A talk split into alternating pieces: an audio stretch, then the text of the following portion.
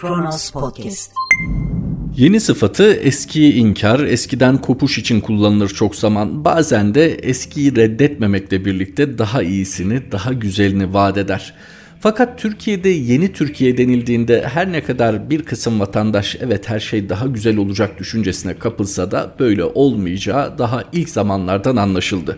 Mağdurlar mağdurlara eklendikçe Türkiye genelinde yeni Türkiye'nin pek de iyi bir şey olmadığı artık neredeyse AK Partililer tarafından da zikredilir oldu.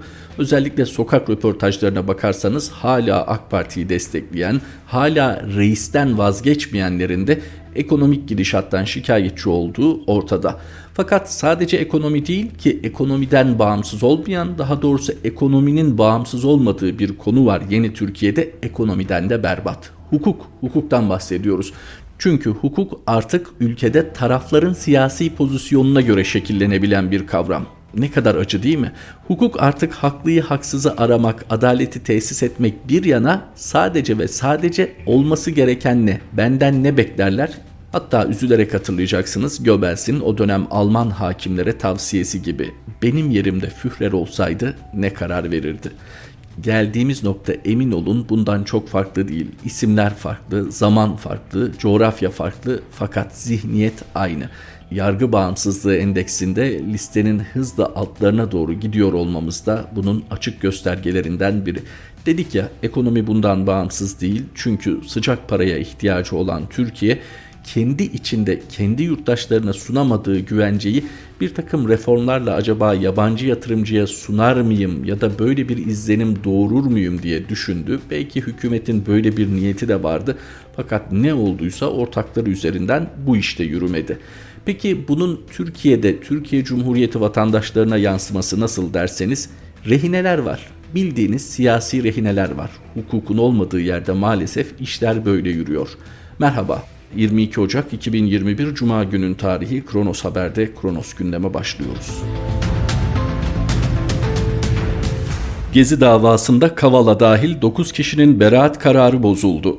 Gezi Parkı eylemlerine ilişkin davada Osman Kavala'nın da aralarında bulunduğu 9 sanık hakkında verilen beraat kararını İstanbul Bölge Adliye Mahkemesi 3. Ceza Dairesi bozdu. Kavala ile birlikte Can Dündar, Mehmet Ali Alabora, Yiğit Aksakoğlu ve Mücella Yapıcı'nın da yargılandığı davada sanıklar hakkındaki beraat kararları kaldırıldı. Gezi Parkı davasında mahkeme eksik delillerin sağlanmasıyla yargılamanın devamına karar verdi. Gezi Parkı davasında beraat kararı verilen Kavala hakkında 15 Temmuz darbe girişimine ilişkin açılan davada anayasayı ihlal ve siyasi veya askeri casusluk suçlamalarıyla yeniden tutuklama kararı çıkmıştı. İstanbul 30. Ağır Ceza Mahkemesi Gezi Parkı olaylarına ilişkin Kavala'nın da aralarında bulunduğu sanıkların yargılandığı davaya ilişkin kararını 18 Şubat 2020 tarihinde açıklamıştı. Sanıklar hükümeti ortadan kaldırmaya teşebbüs suçundan ağırlaştırılmış müebbet istemiyle toplamda 606 yıldan 2970 yıla kadar hapis cezasıyla yargılanıyordu. Mahkeme heyeti Osman Kavala, Ayşe Mücella Yapıcı, Şerafettin Can Atalay, Tayfun Kahraman, Ali Hakan Altınay, Yiğit Aksakoğlu, Yiğit Ali Ekmekçi, Çiğdem Mater Utku ve Mine Özer'den hakkında cebir ve şiddet kullanarak Türkiye Cumhuriyeti hükümetini ortadan kaldırmaya veya görevini yapmasını kısmen veya tamamen engellemeye teşebbüs, mala zarar verme, nitelikli yağma, tehlikeli maddelerin izinsiz olarak bulundurulması veya el değiştirilmesi, kasten yaralama, ağırlaştırılmış yaralama ve kültür ve tabiat varlıklarını koruma kanununa muhalefet suçlarından dava açıldığını hatırlatarak yüklenen suçların işlendiğine dair mahkumiyete yeter derecede hukuka uygun somut ve kesin delil bulunmadığından sanıkların beraatine karar vermişti. Beraatine karar verdi de ne oldu? İstinaftan döndü. İstinaf haklarındaki beraati bozdu sanıkların. Peki Avrupa İnsan Hakları Mahkemesi'nin bu konudaki kararı neydi? Özellikle hani sembol isim olduğu için Osman Kavala üzerinden ilerlersek Osman Kavala'nın hak ihlaline uğradığını belirtti mi? Belirtti. Bu konuda Osman Kavala'nın derhal tahliye edilmesi gerekiyor muydu? Demirtaş örneğinde olduğu gibi evet. Nitekim Avrupa İnsan Hakları Mahkemesi Demirtaş ve Kavala isimleri üzerinden tekrar böyle bir açıklamada bulundu. Fakat ne yazar bağımsız Türk yargısı Avrupa yargısından talimat alamayacağına göre hatta yerli söylemimize göre kendi mevzuatımız yeterli olduğundan böyle bir şeye gerek yoktu, duyulmadı, olamazdı da. Geldiğimiz noktada bu cümlenin bir ötesi yok. Demirtaş'ta, Kavala'da, Altan'da ve isimleri bu kadar bilinmeyen on binlerce insanda siyasi rehinelerdir. Yargılama dediğiniz iddia ile başlar ama iddiada bulunabilmek için dahi delillere ihtiyacınız vardır ve daha sonra iddia ile devam etmez, delillerle sürdürülür yargılama. Peki burada mevcut mevzuatta sanıkların lehineyken bu direnç neden? Bu direnç bir güç gösterisi, ikincisi şu ana kadar anlatılan hikayenin tutarlılığını sağlamak adına. Rahip Brunson meselesinde iş ciddiydi ve Rahip Brunson o büyük sözlere rağmen teslim edildi. Osman Kavala ve Selahattin Demirtaş örneklerinde de aynı tazikle karşılaşılabilir. Hükümetin kendisini ekonomik gidişat ve değişen dünya konjonktürüne göre yeniden konumlandırmak istediğini söylemek mümkün. Aslında bunu ifade de ediyorlar. Fakat hükümetle yargı arasında bir uyum sorunu yaşanabilir mi? Ne münasebet denilebilir bu ana kadar yapılan dizayndan dolayı? Yine de Adalet Bakanı Gül ve Cumhurbaşkanı Erdoğan tarafından reform söylemi gündeme getirildiğinde gelen tepkileri düşünürsek bir ihtimal yargıda yine böyle bir direnç söz konusu olabilir mi düşünülebilir. Fakat bu konuda hükümet kesin kararını verirse, verebilirse bir yönelim söz konusu olabilir. Ancak sık sık seçim köprüsünü geçmek için kurduğu ittifaklar bu defa ayağına dolanır mı? Farklı bir şekilde onu aşağı çeker mi? İşte onu Biden'la birlikte dünyada değişen rüzgar şiddetlendikçe buradaki etkisinden anlayacağız. Ama maalesef şu an hali hazırda içeride pek çok siyasi rehine var. Bu kötü akışta bir istisna. Somalı madencilerin tazminatları ödeniyor. Direndik, kazandık. Manisa'nın Soma ilçesindeki uyar maden işçileri yıllardır ödenmeyen maaş ve tazminatları için 12 Ekim 2020'de Ankara'ya yürüyüş başlatmış pek çok kez jandarma ve polis tarafından engellenen gözaltına alınan işçiler 40 ağaç çamda eylemlerini sürdürmüştü. Direnişleri boyunca hükümet ve Türkiye Taş Kömür Kurumu yetkilileriyle birçok kez görüşmüş ancak görüşmelerden bir sonuç alamamıştı. Son olarak 16 Kasım 2020'de İçişleri Bakanı Süleyman Soylu ile görüşmüş, görüşmeden sonra alınan söz üzerine eylemlerine ara verdiklerini duyurmuşlardı. Türkiye Kömür İşletmeleri yaptığı yazılı açıklamada tazminatlarını almadan işten çıkarılan Soma Kömür İşletmelerine bağlı Atabacası, Işıklar ve Geventepe Maden Ocakları çalışanlarına ödeme yapıldığını duyurdu. Ödeme hak eden kişi sayısının 3624 olduğu belirtilen açıklamada toplam 150,6 milyon lira ödeme yapılacak. Bugün itibariyle 2395 kişiye toplam 102 milyon lira ödeme yapılarak işçilerin banka hesaplarına yatırıldı denildi direndik kazandık. Burada üzücü olan şu. Türkiye'de temelde iki tip iktidar var değil mi? Sağ ve sol iktidarlar. Sol iktidarlar emeğin gücünü önemserler, emeği yüceltirler. Bu durumda sol iktidarlarda emekçinin mağdur olmaması gerekir diye düşünürüz. Sağ hükümetlerin ise her şeyden önce Hazreti Muhammed'in işçinin ücretini teri kurumadan ödeyiniz hadisine değer vermeleri beklenir. E bu ülkede ya sağ ya sol hükümetler iş başına geldiğine göre hadi zaman zaman da koalisyon yaptıklarına göre işçinin, emekçinin problem yaşaması gerçekten akıl alır gibi değil. Ya yine ilkesel bir sorunla karşı karşıyayız ya da çözemediğimiz çok ciddi yapısal bir problem var. Oysa ilkokul matematik çözümündeki gibi gayet basit değil mi? Verilen, istenen çözüm çözüm. Kaldı ki burada çalışan ve zaten inkar edilemeyen bir takım kazanımlarını elde edemeyen işçiler var. Zaten emeğiyle var olan bu insanlara niye bir de direnme güçlüğünü yaşatıyorsunuz? İşçi emekçi demişken sırada yine konuyla ilgili bir haber başlığı var. CHP patronun çalışana yaptığı kod 29 ahlaksızlığı cezalandırılsın. CHP Ankara Milletvekili Nihat Yeşil kod 29'a dayanarak emekçiyi ahlaksızlık gerekçesiyle işten çıkartmaların son dönemde kötüye kullanımının arttığını belirtti. Haksız fesihte bulunan işverenin cezalandırılması ve emekçiye tazminat ödemesi için Türkiye Büyük Millet Meclisi'ne kanun teklifi verdi. Yeşil salgın sürecinde ahlaksızlık gerekçesiyle fesihlerin artmasıyla ilgili emekçi hem işinden oluyor hem de ahlaksız damgası yiyor. Birinin bu rezilliğe dur demesi gerekiyor yorumunda bulundu. CHP'li Nihat Yeşil verdiği kanun teklifi gerekçesinde Kod 29'la sözleşmesi feshedilen emekçiyi koruyan bir hüküm bulunmadığı gibi ahlaksızlık gerekçesinin doğruluğunu ne Sosyal Güvenlik Kurumu ne de İşkur araştırıyor. İşveren emekçiye ödemesi gereken tazminattan kurtulurken işsiz kalan emekçi ise işsizlik maaşından dahi mahrum kalarak mağdur ediliyor dedi. CHP Ankara Milletvekili Nihat Yeşil'in teklifi bu doğrultuda. Hemen belirtelim Kod 29'un özellikle işten çıkarmanın yasaklandığı pandemi döneminde yol yapıldığını görüyoruz. Çünkü böyle bir açık alan var Patronun ya da işverenin artık nasıl tabir ediyorsanız kod 29 aracılığıyla ahlaksızlık yaptığını savunduğu işçiyi kapının önüne koyabilme hakkı var. Böyle bir yetki tanıyor kanun kendisine. Tabii insan böyle bir şey de söz konusu olabilir. Fakat bu maddenin her iki taraf lehine de kullanılabilecek bir hale dönüştürülmesi yani tek taraflı nalıncı keseri gibi sadece patron tarafından değerlendirilmeyecek bir hale sokulması gerekiyor. Umarız Sayın Yeşil'in teklifiyle birlikte bu kod 29 ayıbı da kalkar. Çünkü bu iş zaten mahkemede çözülüyordu daha sonraki aşamada. Fakat emeğiyle geçinen bir insan mahkemede yapacağı masraf, mahkeme sürecinde geçimini temin etme sıkıntısı tüm bunları düşündüğümüzde gerçekten değiyor mu acaba patronların bir işçinin masrafından kurtulmak için denedikleri bu yol? Eski hakim Karanfil, Yargıtay üyesinin Baylok suç değil itirafını yayınladı. Eski hakim Kemal Karanfil Baylok kırıntısına verilen cezaya Yargıtay 16. Ceza Dairesi üyesi Yusuf Hakkı Doğan'ın düştüğü muhalefet şerhini paylaştı. Doğan, Baylok veya Eagle indirmeyi veya kalıntı olmasını başlı başına delil olarak kabul edersek uluslararası alanda bize yöneltilen Baylok bir iletişim sistemidir. Herkes kullanır tuzağına düşmüş oluruz ifadelerini kullandı. Sosyal medyadaki Tespit TV kanalında belgeleri yayınlayan Karanfil, Yargıtay 16. Ceza Dairesi'nin 16 Nisan 2019 tarihli Ayhan Gürer kararını paylaştı. Kararda vatandaşın telefonunda Baylok kırıntısı bulunduğu gerekçesiyle alt mahkemenin verdiği ceza Yargıtayca onandı. Yargıtay 16. Ceza Dairesi'nin kıdemli üyesi Yusuf Hakkı Doğan karara itiraz etti. Bu gerekçeyle eski hakim Sayın Kemal Karanfil'in kendi kanalı Tespit TV'de paylaştığı, yayınladığı bu belge önemli ki Sayın Karanfil de zaten sonunda diyor bu bir emsal olarak değerlendirilmeli, başvurular bunun üzerinden yapılmalı şeklinde.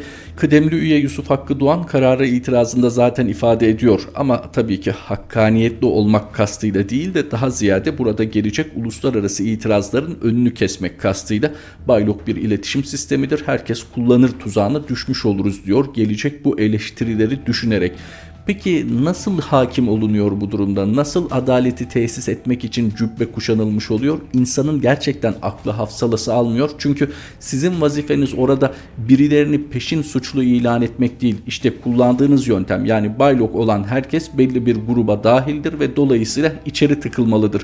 Verilen bu talimat doğrultusunda hareket ederseniz lütfen bugün ve yarın sakın ha sakın kendinize yargıç demeyin, hukuk bürokrasisinde görev aldık demeyin. Çünkü sizin yaptığınızı yapmak için bırakın hukuk okumayı herhangi bir yüksek tahsile ihtiyaç yok. Okuma yazması olan herkese bu talimat gittiğinde kendisinde de bu yetki varsa bu kararı verebilir ve uygulayabilir. Nerede kaldı sizin adalet peşinde koşmanız? Tabii böyle bir iddianız hiç olduysa.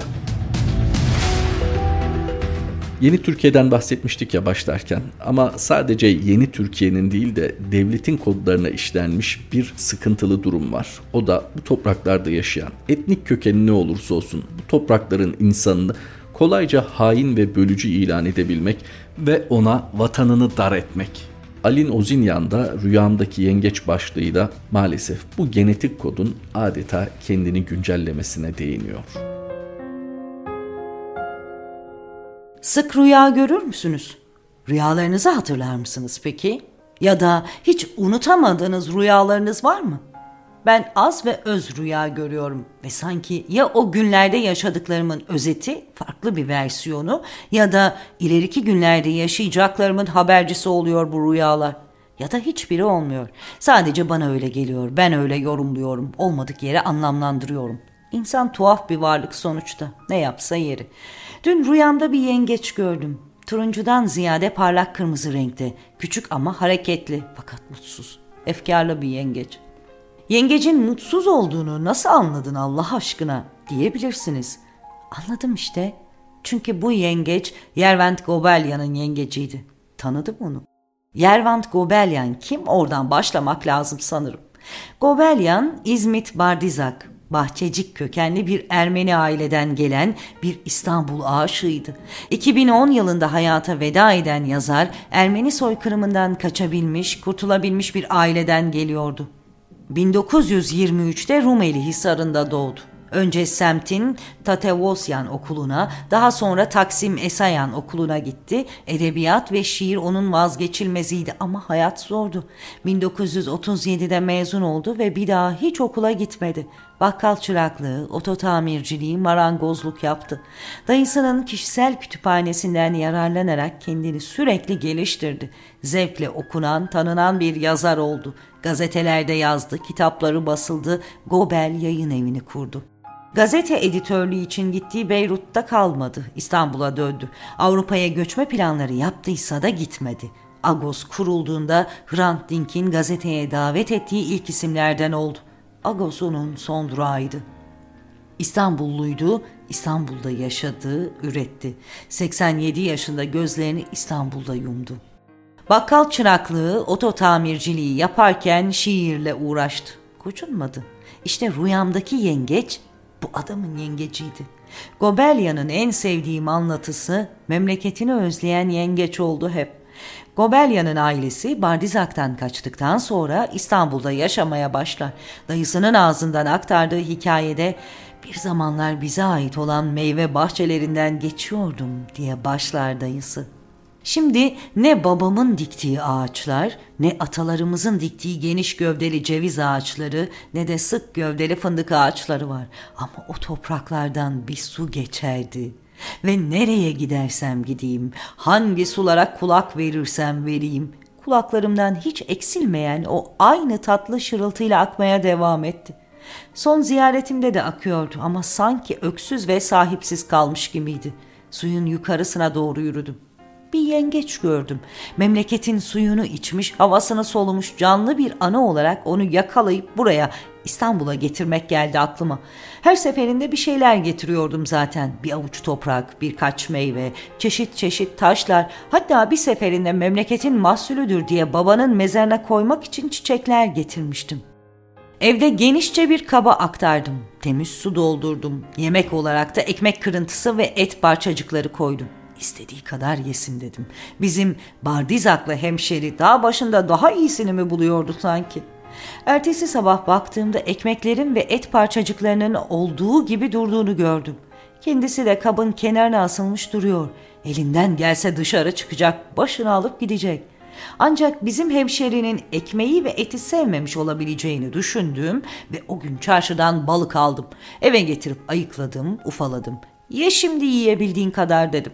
Baktım balıklar da aynen duruyor ve yengeç de devamlı kaçma çabasında. Günler geçmiş, hayvan hep delice bir dışarı çıkma ve kaçma telaşı içindeymiş. Yiyeceklere ise hiç dokunmamış. Günler sonra gevşek ve hareketsiz halde bulmuşlar yengeci. Yengeç ölmüş. Dayım memleketini özleyen yengecin hikayesini bitirmişti. Bir süre hepimiz sessiz kaldık.